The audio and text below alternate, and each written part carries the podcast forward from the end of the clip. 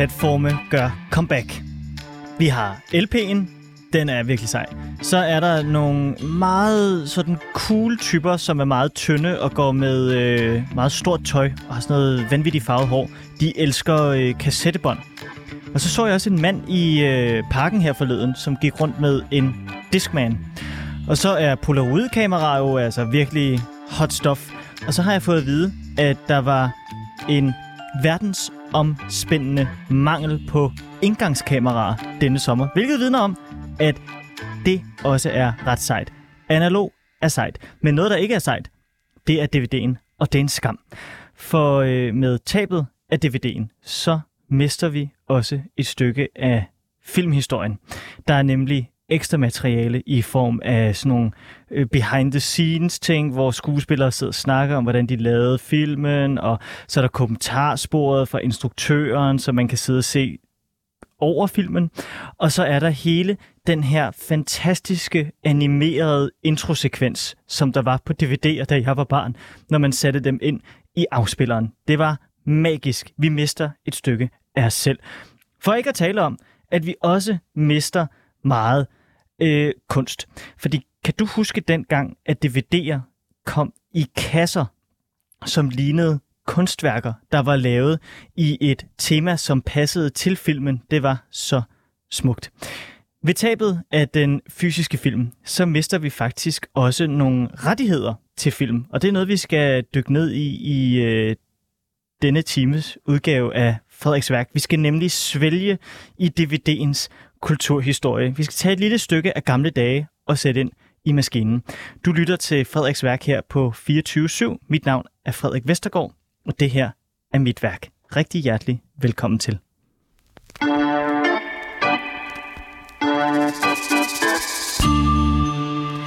Min gæst er en ganske særlig mand. Han hedder Johan Albrechtsen, og han er redaktør på det filmmagasin, som hedder DK.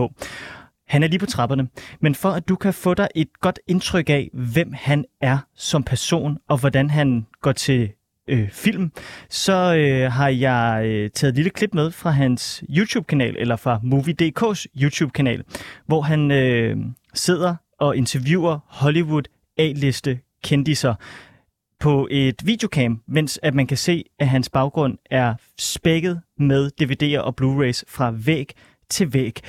Og jeg har taget et lille klip med, hvor han sidder og taler med nogle af de her øh, kendiser, om hvor at de bliver dybt, dybt imponeret over hans samling af det film på Blu-ray og DVD.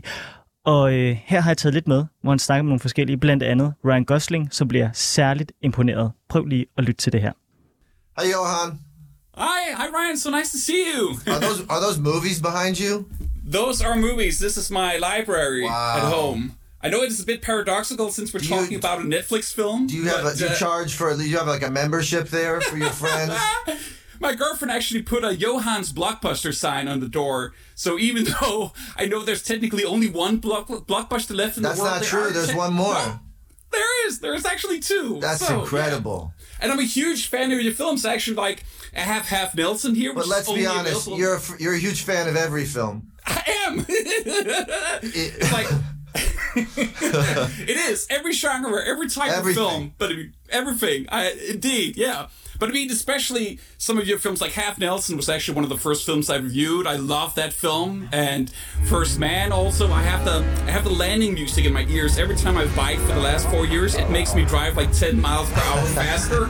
I know it's a bit dangerous, perhaps, but it, there's something about that scene and that music. Those records? Hello, those are. Uh, first thing, I'm, I'm Johan from Movie DK.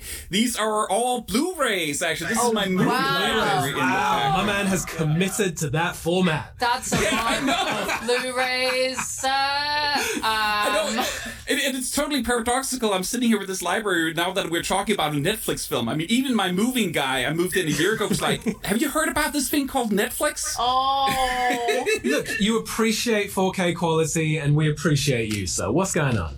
Thank you, thank you. Is that a DV? Is that a DVD collection behind you? It is indeed. This Look at that! Oh my God! It just keeps going. The, I know. Thank you so much. I just want to quickly show the crown jewel in my collection is obviously the Infinity Saga, Oh, and the that's Winter Soldier is obviously the crown jewel in that. So thank you so much for Amazing. your great films. I love See you on the next one. Thank you so much. Really Take appreciate care. it. Thank you, Appreciate Don. it. Well, Ryan, unfortunately, I'm already out of time. So, Oh. but it's been a blast uh, talking to you. man. Hope to. Uh, I'm gonna, I'm gonna, I'm gonna come over and borrow a few movies one day. you're always welcome. Just Let me tell me how to get a card to Johann's Blockbuster. I will. See All you right. in Denmark. All right. Bye. Det her, det var altså øh, min gæst, Johan Albrechtsen, som interviewede et hav af A-listekendiser fra Hollywood, blandt andet Ryan Gosling, som var meget imponeret over Johans kæmpestore samling af DVD'er og Blu-rays. Og nu er øh, Johan kommet ind i studiet. Velkommen til, Johan Albrechtsen. Tusind tak. Tak for invitationen. Hvis du gerne vil have mikrofonen lidt op, så skal du bare øh, lige hive i, øh, i, i bunden der. Nu skal lige se, om jeg kan det. Er det her? Fedt. Jeg er bedre til at samle på film og se film, end jeg er til at lave praktiske gøremål, såsom at flytte på mikrofoner. Men nu er det gør. lykkedes. Nu er det lykkedes. Det er dejligt at have dig herinde, Johan. Det er øh, fredag, og øh, DVD'er er jo øh, den bedste solcreme. fordi det er uhyggeligt varmt udenfor, Ja. og øh, solen er ikke din ven. Nej. Den ved dig det ondt, så derfor så kan jeg kun anbefale folk at sidde indenfor og se film. Ja, 100 procent. Du har fået lidt, øh, som du jo skal have, fordi du arbejder med, øh, med film. Der er popcorn, Ja. og der er øh, Matador Mix, Ej, og der er cola. ej, var det jo helt Så, perfekt. så alt er godt. Jeg skal lige høre dig, når du nu, hvis du lige vil tage en popcorn. Ja, skal vi gøre det at Øh, jeg skal starte lige med? høre sådan en filmbuff som dig, om du kan smage forskel på, om det her det er købepopcorn, eller om det er frisklavet popcorn. Åh, oh, godt spørgsmål. Mm. Øhm, altså, der er måske ikke øhm, 200% pondus i smagen, så jeg kan måske godt forestille mig, at det er nogle færdige popcorn i pose. Er det monstro det? Fuldstændig korrekt, Johan. Jeg har også selv, jeg arbejdede i en biograf i start 0'erne, der arbejdede Ja. i Cinemax, og lavede selv popcorn op på øverste etage. Det var altid den værste vagt, du kunne få. Du skulle stå sådan fire timer, apropos hedebølge lige nu, du skulle stå fire timer inde i varmen, omringet af popcorn og olie, der bare poppede over alt. Det var, så det bringer dejlige minder tilbage. Jamen, det er godt. Johan, jeg har inviteret dig hen i studiet, fordi jeg gerne vil hylde DVD'en. Ja. Fordi jeg føler, at når den er på vej ud, så er der noget, vi går, øh, går glip af. Ja. Så nu skal vi nørde DVD'er i tre kvarter, og det glæder jeg mig simpelthen så meget til. Dito. Til at øh, begynde med, nu har jeg jo spillet det her klip, hvor vi kan høre, hvordan at øh, Hollywood de bliver begejstret for dit, øh, din kæmpe store samling. Der er også en video på nettet, hvor du sidder og snakker med øh, Benito del Toro, som øh, siger, det ligner, du bor i mit hus. Ja. øhm, øh, hvor mange øh, DVD'er, Blu-rays har du i dit hjem? Jeg har faktisk det helt præcise tal, fordi det der er, det er, at jeg er simpelthen så nørdet og så samlerorienteret, at jeg faktisk har et Excel-ark med liste over alle de film, jeg har, og hvad de har kostet hver for sig og til sammen. Så jeg kan afsløre, at jeg i skrivende stund, eller talende stund, ja. rettere sagt, har 2.874 Blu-rays og 342 4K-skiver. 4K, det er jo formatet sådan efter Blu-ray, så det er sådan det ypperligste format, du kan få lige nu. Ja. I forhold til DVD'er, der har jeg ikke så mange tilbage igen, faktisk. Jeg har kun lige omkring 300. Stadigvæk en del. Altså, måske Det er mere end de fleste, vil jeg sige. det er nok stadigvæk mere end de fleste. Men inden jeg øh, skilte mig af med alle mine DVD'er, der var jeg lige præcis op på 2.250 DVD'er i alt. Hold op. Øhm, men jeg gjorde så det, fordi at, altså, jeg så dem bare ikke så meget mere, fordi jeg var sådan meget kvalitetsbevidst. Ville hellere have Blu-ray-kvaliteten, men havde stadigvæk det her samlergen, og så øhm, fik jeg dem proppet ned i, jeg tror det var 24 Silvan-kasser, og sendt afsted til en butik, der gerne ville tage imod dem. Og så fik jeg sådan en brøkdel af en brøkdel af de penge, jeg selv havde brugt på det. Ja. Men altså, sådan kan det jo gå. Der er jo mange i øh, 90'erne, som havde store LP-samlinger, som de smed væk, fordi de tænkte, CD, det er fremtiden. Ja. Og nu sidder de jo og river sig selv i håret, fordi deres øh, LP'er er jo mange penge hver i dag. De skulle aldrig have smidt dem væk. Er du nervøs for, at alle de DVD'er, du har smidt væk, de øh, om 10-20 år lige pludselig bliver vanvittigt mange penge værd, og du så endte med at smide en formue ud? Ikke rigtigt, men det er også kun, fordi jeg er simpelthen så øh, bevidst omkring, at de DVD'er, jeg skiller mig af med, altså som sagt, jeg har stadigvæk 300 tilbage, mm. de DVD'er, jeg skiller mig af med, er kun nogen, hvor jeg ved, at du kan få dem i bedre kvalitet, med nøjagtigt det samme ekstra materiale, og, og den samme type af film, kan man sige, og ikke et sjældent omslag. Så dem, jeg har skilt mig af med, er ikke så frygtelig meget værd. Det ved jeg ikke om, jeg håber ikke, der er nogen fra den butik, der købte dem, der lytter med her lige, lige nu. Øhm, men, øh, men der er rigtig mange andre udgivelser, som jeg, som jeg har stående, og slet ikke har tænkt mig at skille mig af med, eller i hvert fald godt ved, at de bliver, bliver ved med at stige i, øh, i værdi. Også selvom det jo efterhånden er et ældre format. Det er jo faktisk meget passende, at vi taler om det i dag, fordi at det er jo 25 år siden, ikke lige præcis den dag i dag, men i marts 97, så 25 år siden, den første DVD udkom. Så det er jo Det er løgn. det er et jubilæumsår, kan man jo sige. Så det er jo helt perfekt. Hvor smukt. og øh, det er jo også værd øh, at bemærke, at øh, DVD'en er en af de eneste analoge platforme, som ikke har fået et comeback. Ja, Det kan vi jo øh, lige tale om senere, hvorfor det er. Men øh, jeg vil bare lige høre dig, Johan. Hvornår købte du din første DVD? Var du på pletten i 97? nej, ikke allerede der. Øh, jeg har den faktisk taget med herinde i studiet. Nej, Øh, er og det din første DVD? Det er min allerførste DVD. Det er The Matrix, købt i oktober 1999. Jeg tror ikke, man kan høre det på mig længere, men jeg er oprindelig Fynbo. Øh, og det var på sådan en sjælden ferie til, til København, øh, hvor jeg kom herover i efteråret. I efterårsferien 1999, hvor jeg så var inde i en butik, der hedder Laserdisken, og købte den her. Så det er, jo, det er jo snart 23 år siden, at jeg købte den allerførste film. Og jeg ved, der er rigtig mange, hvor det netop var The Matrix, også fordi, som man kan læse her på bagsiden, det er en, der er spækket med dokumentarer og øh, selvfølgelig alle de klassiske menuer, kommentarspor, storyboards, alle mulige ting og sager, der er på den her disk. Så den har jeg selvfølgelig valgt at, at gemme, fordi det er et særligt klenodie for mig. Det kan jeg godt forstå. Det er ligesom øh, Joachim Fernands lykkemønt Ja, præcis. Øh, det der med, med bagsiden og, øh, og, og hvad der står osv., det er jo en helt tabt kunstart i sig selv, og det skal vi også vende tilbage til senere. Ja. Der er meget, vi skal igennem. øh, jeg kan godt også tænke mig at høre, hvor mange af de DVD'er og Blu-rays, du har derhjemme, er uåbnet. Ja, Øj, det er rigtig, rigtig mange. Jeg pr- prøvede faktisk i går at tælle dem, øh, men gav op lidt undervejs. Også fordi det blev sådan lidt skræmmende at tænke på, hvor meget har jeg egentlig brugt penge på, som jeg endnu ikke har fået brugt plombering på. Jeg tog bare nogle tilfældige hylder, og på, på de hylder, der var der sådan 50 procent af hver, altså, som ikke var, var, var blevet åbnet. Hov. Altså, hvis vi tager det som et, som et øh, gennemsnit, jamen, så altså, det, det var i hvert fald altså, et meget konservativt bud af 500 udgivelser, som ikke er blevet åbnet endnu. Og jeg ved godt, det kan jo lyde sindssygt for folk, og jeg ved også godt, jeg har lidt sådan et hårdere gen, som jeg også lidt har fra, fra min familie. Altså, min far har over 2.000 klassiske CD'er, altså, Okay. så vi har alle sammen sådan lidt et samlergen, øh, som, som, som vi har arvet. Altså, ja. Øh, alle de her øh, DVD'er, du har, øh, har anskaffet dig, ikke? Ja. Øh, som du har vist til Hollywood A-liste kendiser, er det sådan for dig som filmbuff og, og, og redaktør på et, øh, et filmmedie Movie.dk, er det noget, som giver sådan ekstra meget... Øh, er det sådan det, det, det største blåstempel, var det jeg mente? Er det sådan den største mm. anerkendelse, du har fået for din samling? Var det der Ryan Gosling eller øh, Benicio del Toro sagde, hold da op? Jeg, jeg skal lige lynhurtigt sige, det var faktisk det var ikke Benicio, det var Guillermo del Toro. Undskyld, Guillermo del Toro. Ja, Ja, men Benicio undskyld. del Toro, han er jo faktisk min yndlingsskuespiller, så jeg er bare glad for, at han også bliver nævnt. Men det er jo et kæmpe blåstempel. Især netop sådan en fyr som Guillermo del Toro, der er jo super filmnørdet, ligesom jeg også er.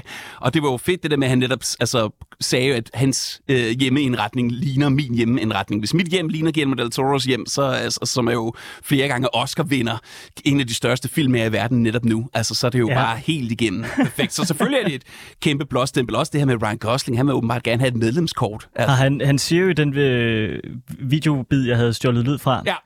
Øh, inden du kom ind, der siger han jo, at øh, næste gang han er i Danmark, så vil han gerne øh, have et medlemskab til Johans Blockbuster. Ja. Har han kontaktet dig efterfølgende? Ikke siden. Til gengæld så er jeg blevet kontaktet nærmest alle mine venner på Facebook for at sige, at når Ryan Gosling kommer på besøg, så vil de også meget gerne komme forbi og være med til at se film også. Altså. Så der bliver pakket. Jeg kan godt sige, jeg tror, jeg tror alle kommer til at vide, når, når Ryan Gosling han slår et smut forbi Johans Blockbuster. Smukt. Med alt det sat på plads, Johan, skal vi så hoppe ned i, øh, i DVD-materien? Ja, Godt. Tag en slurk cola og nogle øh, popcorn, og så synes jeg bare, vi skal i gang. yes.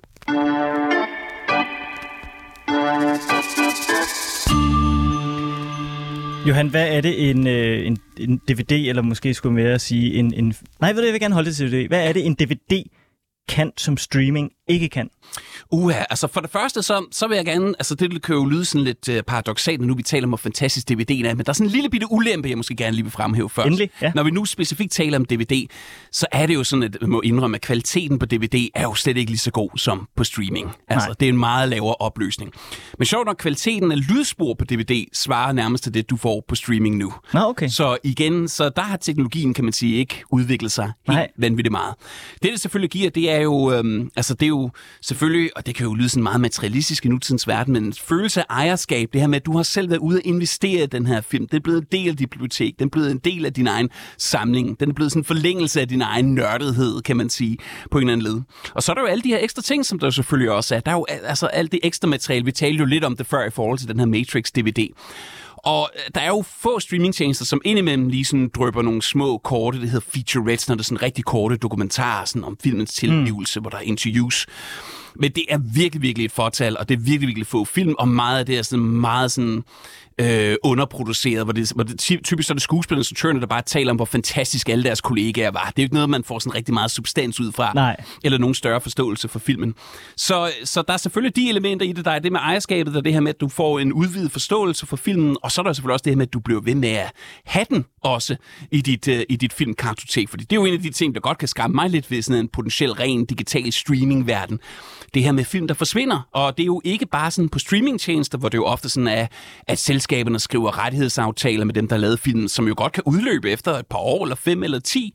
Men det kan også være de steder, hvor du decideret kan købe en film, såsom på iTunes for eksempel, og der står der jo buy, og så vil jeg jo normalt tænke, at konceptet med at købe, det er noget med, at jeg så har ejerskab af det. Mm. Men der har jo også været eksempler på folk, der så mister adgang til de film, de faktisk har købt. Lige pludselig får de en besked om, om en måned kan du ikke længere se den her film. Og der er jo folk, der har prøvet at, at starte retssager mod Apple osv., men det er lidt svært. Det er en rimelig stor koncern, øh, de, de kære folk hos, hos Apple, så det er svært at tage det opgør. Jeg har taget et klip med, Ja. hvor du snakker med øh, den store New Zealandske filminstruktør, skuespiller og producer Taika Waititi, som man måske kender fra øh, den film, der hedder Jojo Rabbit, Ja, præcis. som han øh, vandt en Oscar for Ja. øh, i kategorien bedste øh, bog til manuskript øh, adoption. Lige præcis. øh, hvor at øh, han øh, efter at have set din DVD-samling, eller filmsamling, øh, kommer til at tale om netop det her. Lad os lige prøve Ja. at høre, hvad Taika Waititi siger til dig. You can't actually see them here in the background, but do I have Det er all dig. of your Ja, movies in my library? So Oh, fantastic. yeah, yeah, a kind of old-fashioned kind of guy. There's something still about having the physical copy. you Yes, know? for sure, absolutely. Yeah. Yeah. I mean, I'm very against this idea of buying these movies on Apple. Do I own them? No. What happens if they just decide to distribute? They lose the rights to these movies. Where's my movie? I Exactly. want Apple need to have a thing where they send you. They if you if you demand it, they send you a physical copy of your film. Oh, that would be perfect. Yeah. Og så, øh, det, der var ikke uvær i din øh, lejlighed, det var, øh, fordi det gik over til et, øh, et andet klip. Ja. Men, men hvad er øh, faren ved, at øh, der ikke er de her øh, rettigheder? Ja, jamen altså igen det her med, at du jo selvfølgelig så mister de film, som du jo i princippet har købt og tror, du har adgang til, og du vil måske lige pludselig gerne se den her film, du ved, du har købt og brugt penge på digitalt, men lige pludselig så forsvinder de egentlig bare, også dem, du, øh, du egentlig har købt. Og det er jo ikke bare det her med, at du måske mister adgang til dem, men for mig, der får jeg jo også bare sådan en kæmpe sådan indebrændt øh, stresshed over det her med, hvad nu hvis de her film forsvinder overalt Ja. på et eller andet tidspunkt? Hvad nu hvis der er ingen streamingtjenester eller digitale tjenester, som sådan værner om de her film og vores kulturarv? Hvor, hvor ryger de så hen? Altså, der er jo mange film, der jo også bare er så små, at der er nogle streamingtjenester interesseret i dem. Ender de med simpelthen alle de kopier forsvinde et eller andet sted hen i glemselen, altså indtil at der er et eller andet filmbibliotek, der gerne lige vil have fingre i dem. Altså, det er jo ret vildt i 2022, man skal have sådan den frygt for, at de her ting forsvinder. Men det, øh, det er reelt, så derfor er jeg jo glad for, at jeg netop har de der 3.000 film stående, hvor jeg ved, at de bliver ved med at være der, med mindre jeg selvfølgelig 7-9-13 får det indbrud. Altså. Også fordi der er så mange ting fra, øh, fra gamle dage, havde jeg sagt, altså fra 60'erne og 70'erne og 80'erne, som ikke kommer op i algoritmen Ja. på øh, Netflix, Instagram, øh, Instagram, hold kæft, Netflix, HBO, Amazon, alle de her store streamingtjenester, Ja. der dukker ikke alle de der ting op. Nej. Og det ville du have haft mulighed for at finde nede i en fysisk butik, hvor der stod en, som kendte til Præcis. materialerne. Så det er jo også et andet aspekt af, hvad vi mister ved at gå ind på udelukkende streamingbaserede filmoplevelser. Ja, præcis. Og det er jo ikke engang bare det der med sådan gamle titler. Lige nu har der været alle de her kontroverser i forhold til Batgirl, den her DC-film, som mm. jo har trukket stikket på hos uh, Warner Brothers. Men der var også nogen, der lige efter det fandt ud af, at HBO havde fjernet sådan otte nyere titler, de sådan havde lavet, og som var eksklusiv til deres platform. Også af sådan lidt mærkværdige finansielle årsager, som ikke sådan helt kan finde hoved og hale i. Men det er også bare sådan, de er også væk nu overalt. Hvem ved, hvornår de så også lige popper op igen? Så det er jo ikke engang bare sådan gamle titler, gamle nye. Det, øh, det er lidt, det er skræmmende. For at gå tilbage til starten af nullerne, slut 90'erne, øh, og øh, DVD'en gør sit indtog på markedet og skubber VHS'en ud på et øh, måske velfortjent sidespor. ja. øhm, jeg kan huske, at det var så fedt, når man tog en DVD ind i maskinen, og så var der den her info, øh, intrografik, Ja. som bare var så sej. Og så lige pludselig efter 30 sekunder, så dukkede alle de her menuer op i, øh, på magisk vis igennem den her grafik. Det var så sejt. Hvornår begynder man på det? Jamen, altså, interaktive menuer er jo nærmest sådan helt fra starten af, og det sjove er, at i starten på sådan en DVD-etui, står det jo også som en special feature. Det gør det også på den her The Matrix igen. Nej, det, det er to det? år efter. Ja, det står der et eller andet sted der, Special Features Interactive Menus. Og der går jo ikke, der går jo ikke så længe, før at sådan nogle interaktive menuer er så standard, at det jo aldrig blev nævnt. Altså, fordi det er simpelthen bare, det er kutume, at der skal være det. Og det er der helt fra starten af, men selvfølgelig i starten, der er de meget basale, og det er jo sådan lidt sjovt, men også lidt trist, at vi egentlig er kommet sådan lidt full circle i forhold til, at menuer i dag, både på DVD og Blu-ray 4K, er enormt simple. Jeg så for eksempel lige en helt ny 4K-udgivelse af Beverly Hills Cop, frækkere end politiet tillader her forleden. Med Eddie Murphy. Præcis. Den starter op, der er bare et stillbillede af Eddie Murphy, og så kan du vælge spil, film eller vælg kapitel. That's it. Der er ikke noget, der spiller, der er ikke noget musik, der er ikke nogen videoklip, der er intet. Men i DVD'ens guldalder her i nullerne netop, som du, øh, som du var inde på, altså der, er det jo, der begynder de jo ret hurtigt at blive ret avanceret. Efter de starter med at være sådan et simple, der er jo ikke helt så meget plads på de her disks. Mange af de tidlige DVD'er var også sådan, der var der sådan trygt data på begge sider. De hedder flipperdisks. Øh, ikke fordi der var delfiner med, men netop fordi du skulle flippe disken over i din afspiller. Øh, for eksempel sådan en film som Seven, som er en af de bedste thrillers nogensinde, den blev sådan bremset midt i, fordi du skal over og, øh, og, og vende disken. Men sådan i starten af 00'erne begynder de her menuer virkelig at blive mere og mere avancerede. Der er sådan, nogle af de eksempler, jeg husker tydeligst, det er især de, øh, de to første Shrek-film. Ja. Fordi det, der er rigtig fedt ved dem, er, at der netop blev lavet sådan helt originalt indhold. For eksempel Shrek 2-menuen, og den, den er udkommet i 2002. Der har det jo Mike Myers som Shrek, og nu talte vi sjovt nok lige om Eddie, Eddie Murphy. Murphy, ja. Eddie Murphy, der, er- der er æslet, som har indtalt helt nye replikker og kigger på hinanden på menuen, og sådan, altså Shrek han repræsenterer sådan spil filmen knappen og Donkey han er vist over på kapitlerne, og så kan du egentlig bare, du kan egentlig bare sidde og lytte til den, fordi de siger nye ting hver gang menuen starter forfra. Så der er helt unikt indhold, og på den første Shrek DVD, der står alle de her computerskabte karakterer, stiger dig ind i øjnene og venter på, at du sådan gør noget, og æslet hopper rundt og sådan, gør nu noget, vælg nu et eller andet, altså.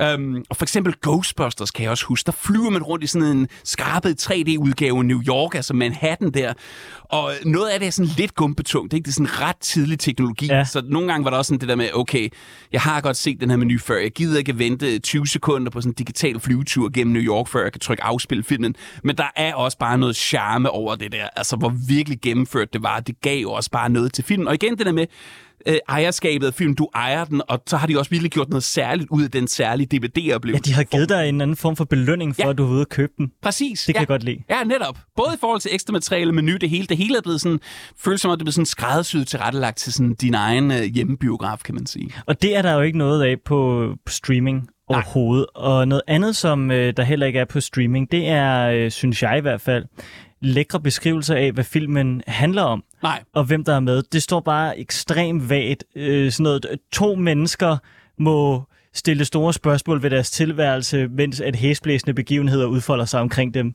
Præcis. Det er det, det. Så lad os lige tage din øh, første DVD, Matrixen der, ikke? Ja. Er, øh, altså den beskrivelse af filmen, der er der, Ja. Er den bedre end den, der er på, øh, på streaming, vil du synes? Jeg kan ikke lige huske lige den her specifikke på streaming, men jeg, jeg vil give dig helt ret. Der er også meget af det med læser, som klinger meget sådan noget Google Translate, ikke? Okay. Det er super basalt. Men her er det jo ret fedt. Altså sådan selve beskrivelsen af plottet. Der er noget af det, der er skrevet med grøn skrift, og noget af det, der er skrevet med blåt skrift. Fordi så står der for eksempel sådan i starten sådan perception, altså din opfattelse. Øh, vores virkelighed er virkelig, står der så med blåt. Så bagefter står der reality, virkeligheden med grønt. Og så står der så med blåt bagefter. Virkeligheden er faktisk bare en illusion. Ja. An, an elaborate deception spun by all powerful machines. Og det er også, nu vil jeg ikke læse det hele op, men det er virkelig sådan et dejligt kulørt sprog, og det er sådan lidt kulørt, og så også beskrevet bogstaveligt talt på omslaget. Så det, det har de helt klart også øh, gjort noget ud af. Og også noget, vi, vi talte sammen tidligere, da vi talte sammen over mm-hmm. telefonen på et tidspunkt, var også, jeg synes, du havde en rigtig god pointe i det her med også bare, når, når film slutter også på streamingtjenester, så ofte så, og det kan du ikke vælge, at du ikke vil have op som standard, men så kommer der sådan en, hey, vil du ikke også gerne se det her? Eller vil du ikke gerne videre til næste afsnit? Og nogle gange kan det godt være praktisk, hvis du for eksempel sidder og binger en tv-serie. Men for mig er det tit det der med, at at filmen eller tv-afsnittet er sådan en stor følelsesmæssig oplevelse. Især hvis du lige har set et rigtig følelsesladet drama. Så vil jeg gerne sidde og fordøje det og bare Svælge have, i følelsen. Præcis. Ja. Ja. Så vil jeg ikke have sådan, husk at du også, altså sådan var det også på tv i gamle dage, ikke? Senere på TV3 viser vi uh, den uh, fede actionbasker med Steven Seagal, et eller andet, og du lige set uh, The Shawshank Redemption, har siddet og Ja. småtudet, og lige pludselig, så er der sådan en mærkelig stemme, der bryder ind og afbryder. Og det, det, den der afbrydelse er jeg heller ikke begejstret for. Det får du jo selvfølgelig overhovedet ikke på DVD. Nej, og jeg vil jo gerne gerne have, at øh, vores snak, Johan, det bliver en hyldest til DVD'en. Ja. Og, øh, og det er det, vi skal fokusere på. Ja. Fordi det er så nemt at, at have streamingtjenester, selvom at de er så praktiske. Og der er også rigtig mange gode ting. Ja, det er der nemlig. Men, men hvis vi skal blive ved DVD'en og hylde den, er der sådan i, øh, i guldalderen, DVD'ens guldalder, er der så et øh, form for våbenkapløb i forhold til, hvem kan lave de lækreste DVD-introer mellem studierne? Uha, det har jeg faktisk ikke lige helt sådan spekuleret over, fordi altså, jeg vil, jeg vil mere sige, at altså, når jeg kigger på de store udgivelser, for eksempel Shrek, det er DreamWorks, Ghostbusters, jeg nævnte lige før, det er Universal, der er også Star Trek 2, jeg er rigtig stor Star Trek-fan, Star Trek 2 flyver man også ned på sådan en planet, der hedder Genesis, og lander sådan nede i junglen der, det er jo Paramount. Så, altså, så, så ja, det kan godt være, sådan, som du siger, der har været et eller andet kapløb, fordi de alle sammen gør en helt særlig indsats øh, på den front, for virkelig at lave noget lækkert. Men der er jo også helt sikkert også, hvis vi sådan tænker på ekstra materiale, så er der jo også nogle selskaber der, der virkelig har specialiseret sig i at skabe et stort ry og omdømme på det. Der er for eksempel selskaber som Criterion. Det er sådan virkelig, når, når de har udgivet noget, så ved du bare, at det er super høj kvalitet. De har også udgivet faktisk flere danske film. Blandt andet en boks med Carl T.H. Dreyers gamle film, som ikke er udkommet i Danmark. Det kan Ej. du kun købe via dem. Hej. Øh, de har lige udgivet en rigtig lækker udgivelse, udgivelse af Festen, som Vinterbergs film med alt muligt ekstra materiale, du ikke kan få andre steder, selvom det er et amerikansk selskab. De har faktisk også deres egen streamingtjeneste, men det er sådan dem og selskaber som Vinegar Syndrome Arrow, der er de her niche-selskaber, der virkelig har fundet ud af, at hvis de virkelig bruger kræfter på at lave de her rigtig, rigtig fede særlige udgivelser med særlig ekstra materiale, jamen så, så, øh, så øh, responderer publikum på det. Du sagde før, at øh, Blu-rays i dag heller ikke har de her interaktive menuer. Hvornår stopper man med at lave dem? Altså, Blu-ray kommer jo ud i 2007, så det er jo 10 år efter DVD'er. Selvfølgelig, hvert format skal lige have sådan et opstartstid til lige at sådan komme ordentligt i gang. Men jeg kan huske, at nogle af de tidlige reklamer for Blu-ray faktisk sådan promoverede det her med sådan, at kvaliteten er federe, opløsningen er seks gange højere osv. Plus, filmen går bare i gang, så snart du sætter den i, som om at det var en fed ting. Altså, du bare sætter den i, og så er det ligesom, du sidder i biografen, lader kører bare fra, og så går den bare i gang med det samme. Øhm, så, det er jo, så det er jo allerede det omkring, ikke? altså slut nullerne. Og øh, det er jo også, jeg tror faktisk sjovt nok også, at 2007 var året, hvor Netflix gik over fra at være... Altså det er sjovt, det husker man ikke rigtig så tydeligt nu, fordi jeg tror ikke rigtigt, de opererede i Danmark på det tidspunkt. Oprindeligt var de jo en tjeneste, der sendte DVD'er afsted med posten. Ja, så kom de i sådan en lille bitte øh, konvolut. Præcis. Sådan fra, Så du din film, og så, sendte du den, så smed du filmen tilbage ned i postkassen. Lige præcis. Det var sådan, det fungerede. Altså, du bestilte dem over nettet, og der fik du din flix, ikke? Så ja. Din film der igennem. Og det var i 2007, at de også begyndte at starte sådan øh, op som en streamingtjeneste, og begyndte at, at øh, altså være banebrydende på den front. Så det er der omkring allerede menuerne, de sådan så småt begynder at dale, øh, dale i kvalitet og gennemførelse. Og jeg, jeg kan ikke huske nogen DVD-udgivelser efter det. Intet sådan fra tierne, der sådan virkelig har, har battet. Så det er lige den der guldalder, start nuller til slut nuller, at det fysiske format, altså DVD, virkelig brænder igennem. Johan Albrechtsen, du har en øh, hulens masse DVD'er foran dig, og øh, din første DVD, Matrix, der, den er jo sådan meget simpel i sit udtryk. Det Ja. er et klassisk øh, plastikcover, Ja. øh, og så ligger filmen nede i, og så er der sådan en lille øh, fold ud pap Præcis. Der var og øh, emballage. netop. Hvornår begynder øh, DVD'er at blive små kunstværker i sig selv? Uh, jamen det er jo også sådan, øh, dem har vi jo faktisk også et par eksempler på her. Nogle af de første, det er jo sådan Sam Raimis gamle Evil Dead gyserfilm. Altså nogle af de absolut bedste gyser. Prøv at beskrive, hvad det er, du står med i Ja, hånden. jeg står med... Det ser meget øh, unheimlich ud. Ja, præcis. Jeg kan forklare, at i de her Evil Dead-film, kort fortalt, der handler det om nogle unge øh, drenge og piger, der sådan, øh, finder sådan en afsides hytte, Ja. og så finder de sådan en Book of the Dead, sådan en rigtig ulækker bog, de læser op fra, som vækker alle mulige onde ånder og dæmoner i skoven. Og de her to DVD'er står med ligner Book of the Dead. Altså, de er formet som den. Og nu, øh, nu kan I selvfølgelig ikke se det ud, men nu åbner jeg for eksempel den første her, og så er der også bare nogle tegninger af dæmoner, Ja, alle mulige den ting bog, og du står med i hånden her, Ja. den Book of the Dead, du står med i hånden, den er formet som sådan et uhyggeligt monster, Præcis. som skriger. Og så, og så er der nogle sider, og så først efter nogle sider kommer du ind til filmen. Du skal helt tilbage til bagsiden, allerbagerste side, så har du DVD'en. Du skal først lige igennem alle de her dæmoner her. Jeg har faktisk ikke prøvet at læse det højt, så jeg ved ikke, om man reelt altså, fremkalder dæmoner ved at læse i uh, det her hæfte. Det, det, det ærgerlige her, toren her har jeg også, den er så grå i stedet for brun, ellers ligner de meget hinanden. Men man kan faktisk trykke på øjet her. Men nu er den løbet tør for batteri, men de første par år, så skreg den så simpelthen, når jeg trykkede på øjet her også.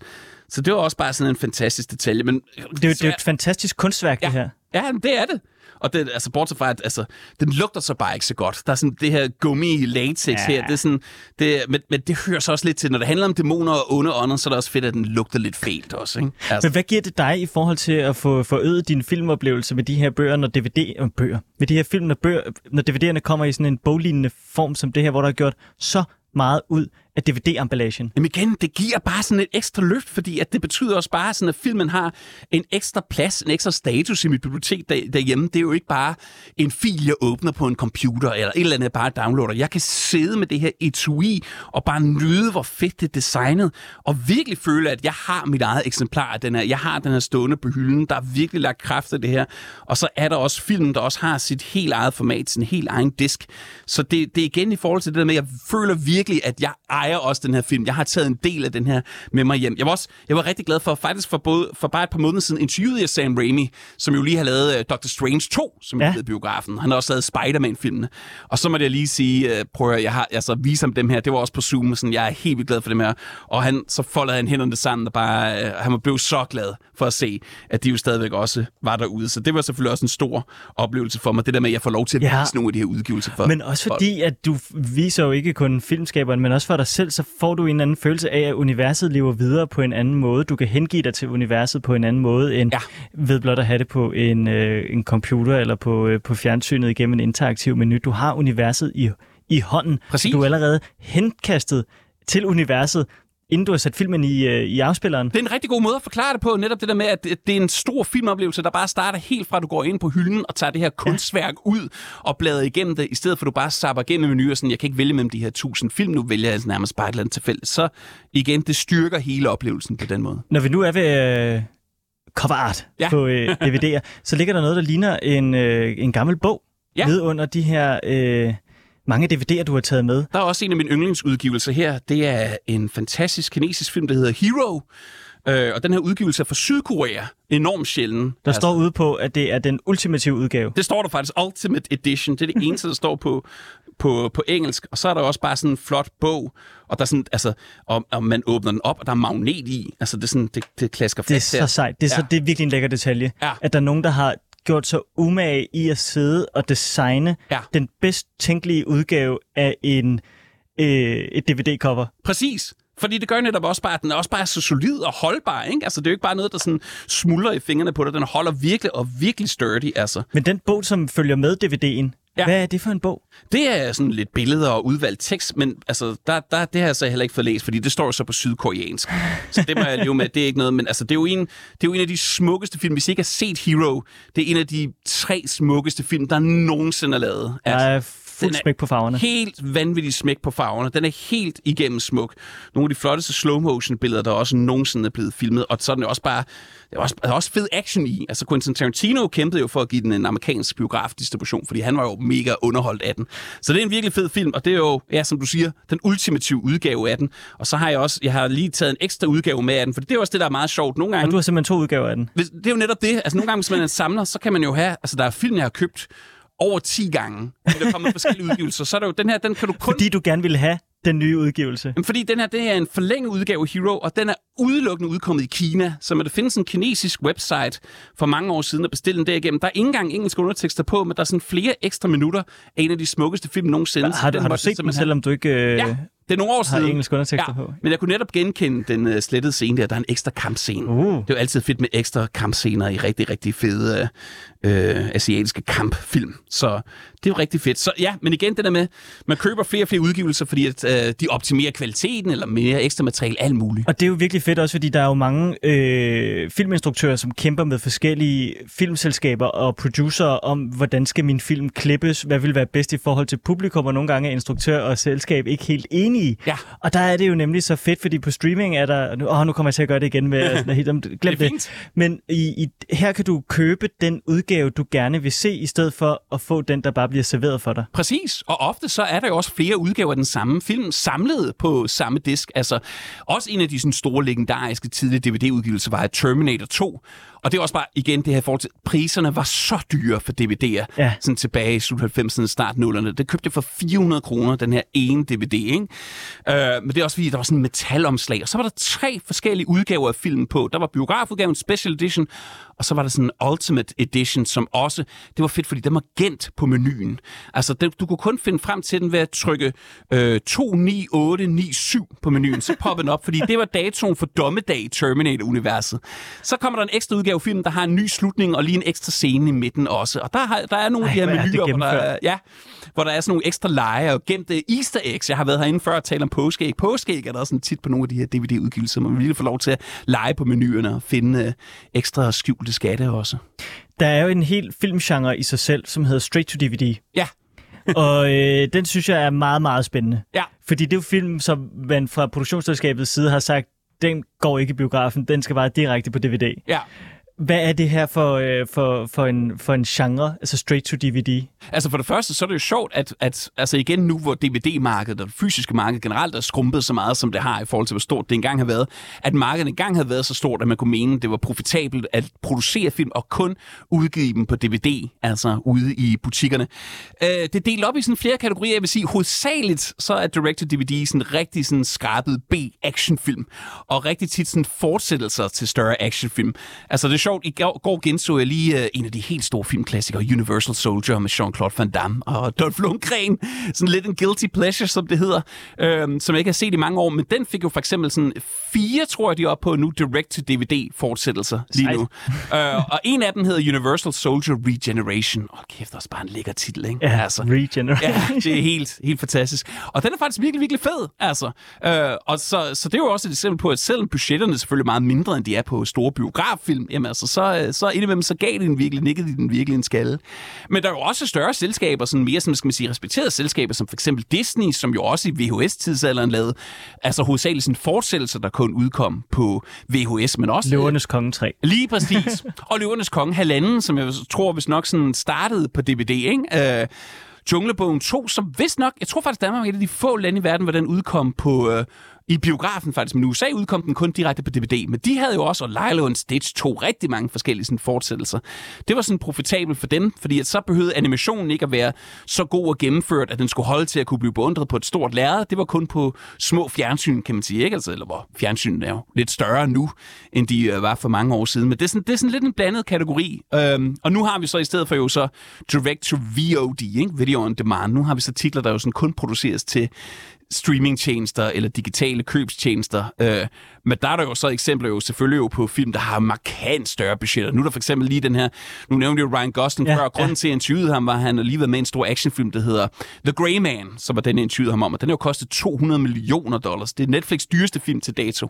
Altså, det er jo det er næsten halvanden milliard kroner, så det er jo, den har været markant dyrere end Universal Soldier Regeneration. Altså, øh, så det er jo også en af de fede ting med streaming, er, at de jo også, der jo kommer også et kapløb der om at lave fede, unikke titler, og der er jo også, der er også noget rigtig fedt i det, at, at der er mange af de her klassiske, sådan, øh, altså tilbage i 70'erne og 80'erne, hvor filmmagerne i USA havde langt større kreativ frihed, før at øh, mainstream-bølgen virkelig sådan slog igennem i 80'erne, også med fortsættelser osv. osv.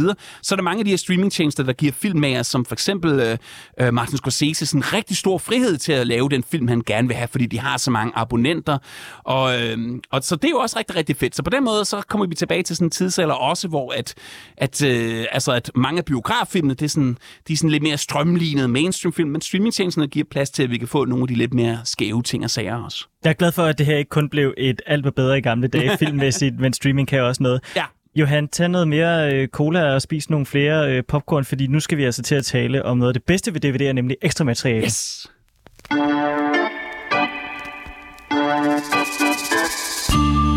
Noget af det, som jeg elskede allermest ved at have en DVD-samling som øh, barn og teenager, det var nemlig, at jeg kunne få lov til at dykke ned i ekstra materialet. Jeg kan huske for eksempel i øh, de her specialudgaver af Ringnes Herre-DVD'erne, så var der ekstra materiale, der varede længere tid, end selve Ringnes Herre-trilogien gjorde. Ja. H- Hvad er status på ekstra materiale i dag, Johan? Altså, det, det er desværre slet ikke lige så højt prioriteret, som det var dengang. Altså, det der var sjovt var sådan lidt igen, det er DVD'ens guldalder start til slut nullerne, at selv sådan relativt skarpede, sådan romantiske film. Jeg kan huske, der er sådan en romantisk drama, der hedder Bounce med Gwyneth Paltrow og Ben Affleck, som er sådan en fuldstændig betydningsløs film, og den fik bare flere timers dokumentarer og kommentarspor og alle mulige ting og sager. Altså selv, selv de mindre titler, altså dem, der ikke er lige så store som Ringens Herre, fik helt vildt meget af det her. Men nu, altså der bliver stadig produceret heldigvis ekstra materiale til sådan mange store internationale titler, men det er slet ikke i den samme altså, grad. Altså, og jeg ved også, at der er rigtig mange af de store filmselskabers afdelinger. Altså jeg tjekker, jeg tjekker flere forskellige hjemmesider. Der er for eksempel en, der hedder The Digital Bits. Det er sådan den ultimative hjemmeside om nyt om fysiske formater. De har jo rigtig mange interne kilder hos mange af filmselskaberne, og mange af dem har jo bare næsten nedlagt helt deres ekstra materiale sektion, eller i hvert fald beskåret det helt vildt meget. Så nu er der Og måske hvem mister vi ved det?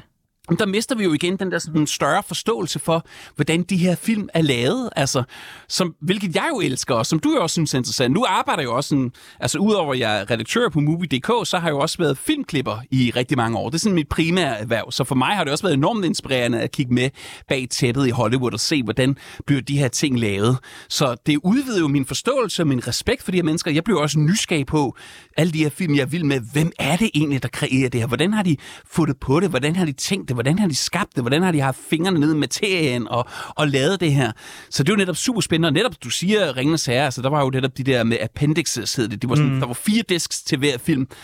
Og de, de kom jo rundt om alt. Det var alt fra scenografien, kostymer, lyd, musik, altså sådan alle facetter blev det dykket ned i, så der var bare noget for, for, for alle, og det var bare velproduceret. Der kunne du også bare se, at sådan en instruktør som Peter Jackson, altså det, det kræver også meget af dem, der laver de her film. Altså det afhænger også meget af, hvor passionerede er de selv omkring det her, hvor, at, hvor interesserede er de selv.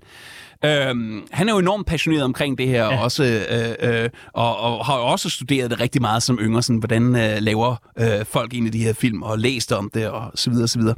Øhm, og, og så derfor kommer der selvfølgelig rigtig, rigtig meget ekstra materiale på sådan en skive, men det er, det er virkelig, det er virkelig overfladisk desværre rigtig, rigtig meget af det, men der er jo, som sagt, jeg nævnte nogle af de der niche-selskaber før, sådan som Criterion og Arrow og så videre, de, de udgiver så ikke sådan vanvittigt mange titler, men dem de laver, der sørger de så også for virkelig bare at lave rigtig meget fedt ekstra indhold til. Men der var jo stadigvæk den der guldalder der igen, hvor der var jo de vildeste udgivelser med det vildeste ekstra materiale. Hvilke DVD'er fra, øh, fra DVD'ens guldalder ekstra materiale husker du tilbage på, som var værende ganske, ganske særligt? Jeg har, jeg, har, jeg har faktisk prøvet sådan lidt at dele op i to kategorier. Den ene er sådan godt dybdeborende ekstra materiale. Og der vil jeg helt sikkert også fremhæve Ringens Herre, som du nævner. Jeg vil også fremhæve en boks, der hed Alien Quadrilogy. Det var fordi, det var med de fire første Alien-film. Produceret af en fyr, der hedder Char- Charles de Los Riga, som er sådan the godfather inden for DVD ekstra materiale. Fantastisk mand. Uh, jeg interviewede ham også et par timer om det for, for flere år siden også. Og det var også fantastisk at høre ham, fordi han var også bare sådan, han brød sig ikke om Alien 3 eller 4, men hans indstilling var, at et eller andet sted derude i verden, er der nogen, der elsker de her film.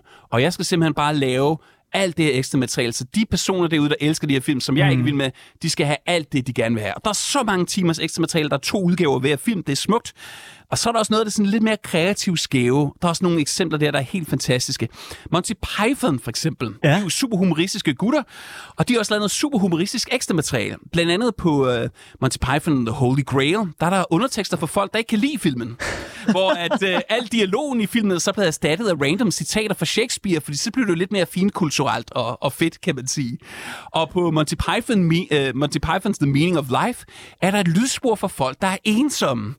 Og det er fedt, fordi så hører du sådan en mand, der er sådan småsluder igennem hele filmen. Og så går han ud på et tidspunkt og åbner et vindue og sådan, lot of traffic, og så kan man høre sådan bilen der dytter og giver en gas derude. Fordi det er sådan, hvis du er ensom, mens du sidder og ser en film, så kan du få lidt fornemmelsen af, at der sidder nogen og, og, og, og lytter med hjemme i din stue. Hvor er det genialt. Ej, det er helt genialt fundet på. Så er der jo selvfølgelig også hele den her klassiker med kommentarsporet, Ja. som jo er sådan virkelig nørdet, hvor du har alt fra instruktøren til lyddesigner til skuespiller, der sidder gennem hele filmen og bare kommenterer sådan på det, du sidder og ser. Og der er jo både gode og dårlige øh, eksempler. Altså et af de dårlige for eksempel, eller som er sådan ufrivillig komisk, det er jo den kære Arnold Schwarzenegger. Han har lavet øh, kommentarspor til blandt andet Total Recall og Conan the Barbarian. Og det fede er, Arnold, han er sådan typen, der bare kun opremser, hvad der er, der sker i filmen. Ja. Så han sidder sammen med Paul Verhoeven, den hollandske instruktør, ham der også har lavet Robocop, Starship Troopers.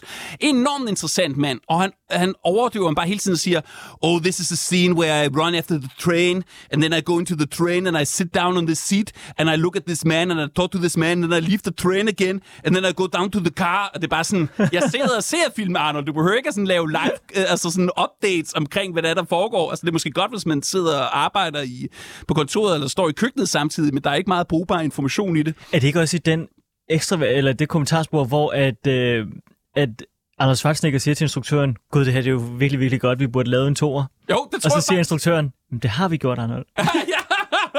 Nå ja, det, kan, oh ja, det må have været på Conan. Det tror jeg faktisk er Ja, på Conan, ja. der, fordi der lavede de jo også en, en to, altså. Jamen, altså, hvad, altså, han har jo bare lavet, han lavede jo en milliard film i 80'erne og 90'erne. Mange af dem ligner lidt hinanden. hinanden. Mange af dem er også fantastiske, så det er helt okay, hvis han lige, uh, han lige blander dem lidt sammen. Men det, det er underholdende, men det er måske ikke sådan helt informationsrigt.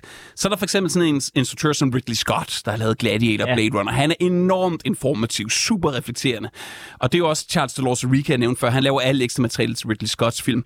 Og noget, man jo heller ikke lige skal sådan ignorere, som kan være fedt på kommentarspor, det er et lille tip herfra, det er, at hvis man har lidt øh, søvnløshed, hvis man øh, er lidt stresset og svært at falde i søvn, så sådan rigtig godt kommentarspor. Ikke fordi det er kedeligt, men fordi for eksempel, altså netop Ridley Scott er, er virkelig god til det her. Han har også den der ASMR. Han har bare den der dejlige, altså dybe britiske røst, som jeg slet ikke kan efterligne, men det er bare, det er så behageligt, og det er bare en stemme, der fortsætter i to timer, og bare er så dejlig. Altså, det er, det er jo lidt ligesom den kære Thomas Winding på Alfons Åbær. Det er ikke Ja. helt lige så behageligt, men det er lidt derhenad.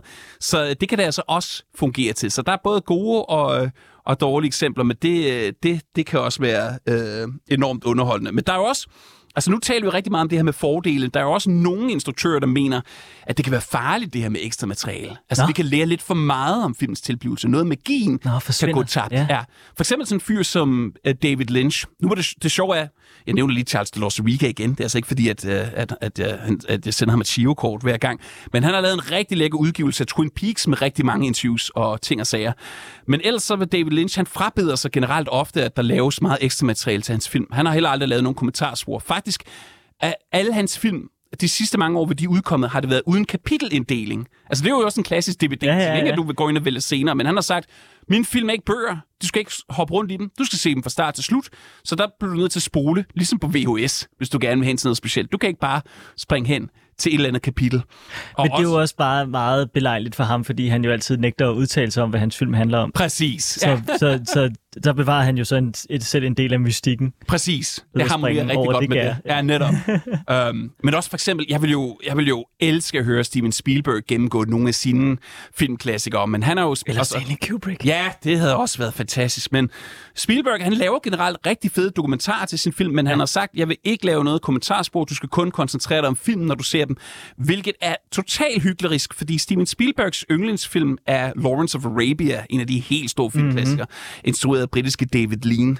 Og han fortæller om, at en af de største oplevelser, han har haft i sit liv som instruktør, det var, hvor han fik lov til at sidde i et klipperum ved siden af David Lean og se hele filmen, mens David Lean sad og kommenterede undervejs. Så der kan du selv høre, Steven. Det er mega fedt med kommentarspor med instruktør. Steven Spielberg er til gengæld glad for at lave øh, dokumentar om tilblivelsen til sin film. Ja. Jeg kan huske i ekstra materialet til Schindlers Liste, Ja. der, øh, der har han lavet en øh, halvanden time lang dokumentar, og hvor man følger ham, hvor han tager til, til, til Polen, og, eller undskyld, til Tyskland for at skrive den. Altså. Ja. Det, øh, det, det, så, så han kan godt. Ja, men helt sikkert. Og Indiana Jones har også Ja, ja, ja, ja. fremragende dokumentarer. Altså. Og han har jo også, altså han er jo også sådan en, han har jo virkelig også kæmpet for det her med netop at bevare Altså, fordi der er, jo, der er jo nogle instruktører, der godt kan finde på, altså George Lucas er jo skrækeksemplet, ikke? der går ind og piller ved filmene hver gang, de bliver udgivet. Ja. Hvis du ser Star Wars på DVD, så er den anderledes end på Blu-ray og anderledes end 4K. Hver eneste gang er det blevet pillet ved det. Og der har Spielberg sagt, nej, det skal kun være originaludgaven. Eller hvis vi har lavet en special edition, som for eksempel med E.T. satte de nogle ekstra scener ind, da den havde 20 års jubilæum i 2002. Der sagde han, jamen det er fint nok, men biografudgaven skal også være med, og du må ikke kunne købe den uden også at få, få det med. Så det er, jo, det er jo mega fedt. Igen, det der med at værne om kulturarven og have originaludgaverne liggende også. Præcis. uden at det her det skal blive sådan en øh, afslutningsrunde, hvor vi skal stå og være sådan nogle sure gamle mænd, der snakker om, at alting var bedre i gamle dage, så kunne jeg godt tænke mig, at vi lige bruger de sidste fem minutter af programmet, Johan, på at tale om, hvorvidt at, øh, nej undskyld, hvorfor at man skal gå øh, tilbage og købe, om end så ikke DVD'er, men, øh, men Blu-ray. Ja, Fordi der er jo stadigvæk noget fedt ved det. Der er det åbenlyse med, at man kan gå ind i en fysisk butik og få, få, få gode fif og gode råd af en fagkyndig. ja. Men så er der også det her med at have samlingen. Så Johan, hvor er det, du går hen for at... Uh, nu kender du alle film, der nogensinde er blevet udgivet. Men hvor går du hen for at få uh, inspiration til fysiske film? Ja, altså igen, der er jo så få muligheder efterhånden, fordi at i gamle dage havde vi jo for eksempel, nu er vi jo tæt på strøget, ikke? Altså, der var jo den gamle Fona 2000, hvor der var endeløse rækker af film, der stod Ja. derinde, man kunne bladre igennem. Nu er det jo nærmest sådan, altså nu er det sjove er, at det er sådan Bilka og Føtex, der sådan er de steder, hvor du sådan kan finde flest film til, også til dejlige billige penge. Køber du nogensinde en film i Netto? Ja, ja, det gør jeg tit. Det gør jeg faktisk tit. Jeg, lige i min lokale netto forleden købte sådan en uh, Blu-ray med tre film i til sådan en 50 kroner. Det var helt Ah, perfekt. Altså, uh, jeg tror ikke, der er nogen andre, der ellers ville have købt den dernede, hvis jeg skal Hvad var det for en film? Det var, det var faktisk en trilogi. Det var de her uh, actionfilm med Jared Butler, Olympus Has Fallen, Ja, ja, Has ja, Fallen. ja. ja, ja. Jeg har ikke London Has Fallen. Præcis, ja, Ja. lige præcis. Ja, Det, er nummer, ja. det var nummer to. Jeg har ikke set nogen af dem endnu. Det er nogle af dem, der stadig er plomberet, men det var igen...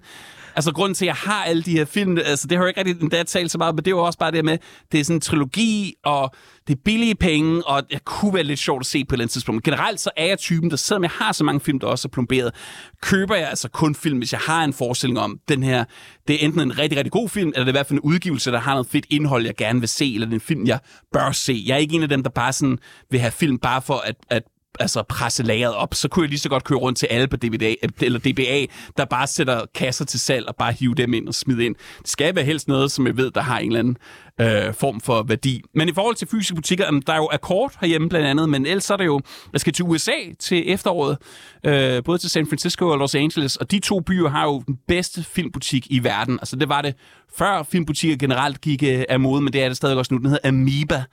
Øh, de, den har også været med i flere film, og der har de jo bare sådan rækker af fantastiske film og flere etager, og det er bare, det er helt exceptionelt, så jeg tror, jeg skal købe en ekstra kuffert. Det, har, det vil ikke være første gang, jeg har været i en byer og været i Amoeba og været nødt til at købe en ekstra kuffert for at kunne tage alle filmene med hjem. Hvordan, øh, når du kigger ind i din øh, filmkrystalkugle, hvordan spår du så det, det fysiske film? Fordi DVD'en, den er død. Ja. Hvordan øh, øh, spår du den fysiske films fremtid? Jeg tror, den lever rigtig lang tid nu. Det er også det, som der er rigtig mange sådan... Ja, ja, det synes jeg også selv. Jeg frygter virkelig den der dag. Ikke bare der, hvor de stopper med at producere den, men hvor de jo heller ikke længere kan fikse den. Hvad nu, hvis de ikke længere kan fikse min Blu-ray-afspiller, og slet ikke længere har ressourcer til det. Men alle eksperter peger også på, at der kommer til at gå mange, mange år endnu. Igen også fordi, at der er virkelig... Altså, salget er styrdykket med årene. Det er der ingen tvivl om. Men det har længe ligget på sådan en rimelig stabil leje, hvor du netop har det der nichefolk, som vi nok må kalde os selv. Altså folk som mig, der stadig virkelig samler på fysiske formater. Men det er en virkelig drevet, passioneret gruppe af samlere, altså som virkelig gerne vil have de her ting at blive ved med at eksistere. Og det er også derfor, der jo for eksempel jo kunne komme Blu-ray, og nu også 4K, at de kan lave nye formater, fordi de ved, at der er nogen, der gerne vil have det i bedre og bedre kvalitet, og stadig kan købe det på disk. Kunne man forestille sig filminstruktør, ligesom at der er nogle, øh, Paul Thomas Anderson, som for eksempel øh, øh, konsekvent vil skyde på rigtig film, altså for rigtige filmruller, kunne man så godt forestille sig, at der var nogle instruktører, som for fremtiden sagde, jeg insisterer på, at den her også skal udkomme fysisk. Åh, oh, det kunne det være rigtig, rigtig lækkert. Altså, der har jo været eksempler på, øh, der er jo en film med Tilda Swinton, nu kan jeg desværre ikke huske, hvad den hedder, men hvor instruktøren har insisteret på, at den må aldrig udkomme, hverken på streaming, Blu-ray eller DVD eller noget som helst. Den må kun blive vist i biografer, så den skal I købe licens til at downloade en DCP, og så vise den i biffen. Altså, det, det kunne jeg da, det, det, det, skal jeg ikke, det skal jeg ikke øh, kunne afskrive, at der er nogen, der vil, der vil insistere på det. Eller i hvert fald, der er, er der i hvert fald eksempler på, øh, på filmmager. Altså, der er, nu kan jeg ikke lige huske, hvad instruktøren hedder, men der er en, som, øh, han har lavet Dr. Sleep-landet, den her fortsættelse, der kom til Ondskabens Hotel, og han har lavet nogle af de her Haunted, Haunted Bly Manor, altså nogle tv-serier på Netflix, og han har haft kraft nok, at- altså sådan tække nok til at kunne sige... den Mike her- Flanagan. Ja, lige Mike Flanagan, lige præcis. Skide godt. Det er godt, du kan huske det, når jeg ikke lige kan. Øh, så det har også gjort, at nogle af hans serier faktisk også er udkommet på, øh, på disk også. Altså. Øhm, men der har også været eksempel på, altså han har jo lige lavet, altså kan du så huske, hvad det nu hans nyeste serie hedder? Øh, det handler om en eller anden præst, der er sådan lidt suspekt. Nå, ja, jeg ved det godt. Øh, ja, jeg ved lige præcis, hvad det er for en, ja. taler om. Han har i hvert fald skrevet på sin Twitter, at han kæmper for at få den ud, men, øh, men at der er ikke noget held der endnu på den front. Hvad der er heldigt, det er, at øh, den fysiske film, den lever. Og du er en af dem, som holder den fakkel i, i live, Johan. Albrechtsen fra Movie.dk. Jeg kan anbefale at gå derind, hvis man er filmnørd og gerne vil have, have ekstra guf til sin film, og så vil jeg bare anbefale alle at gå ud og købe en film.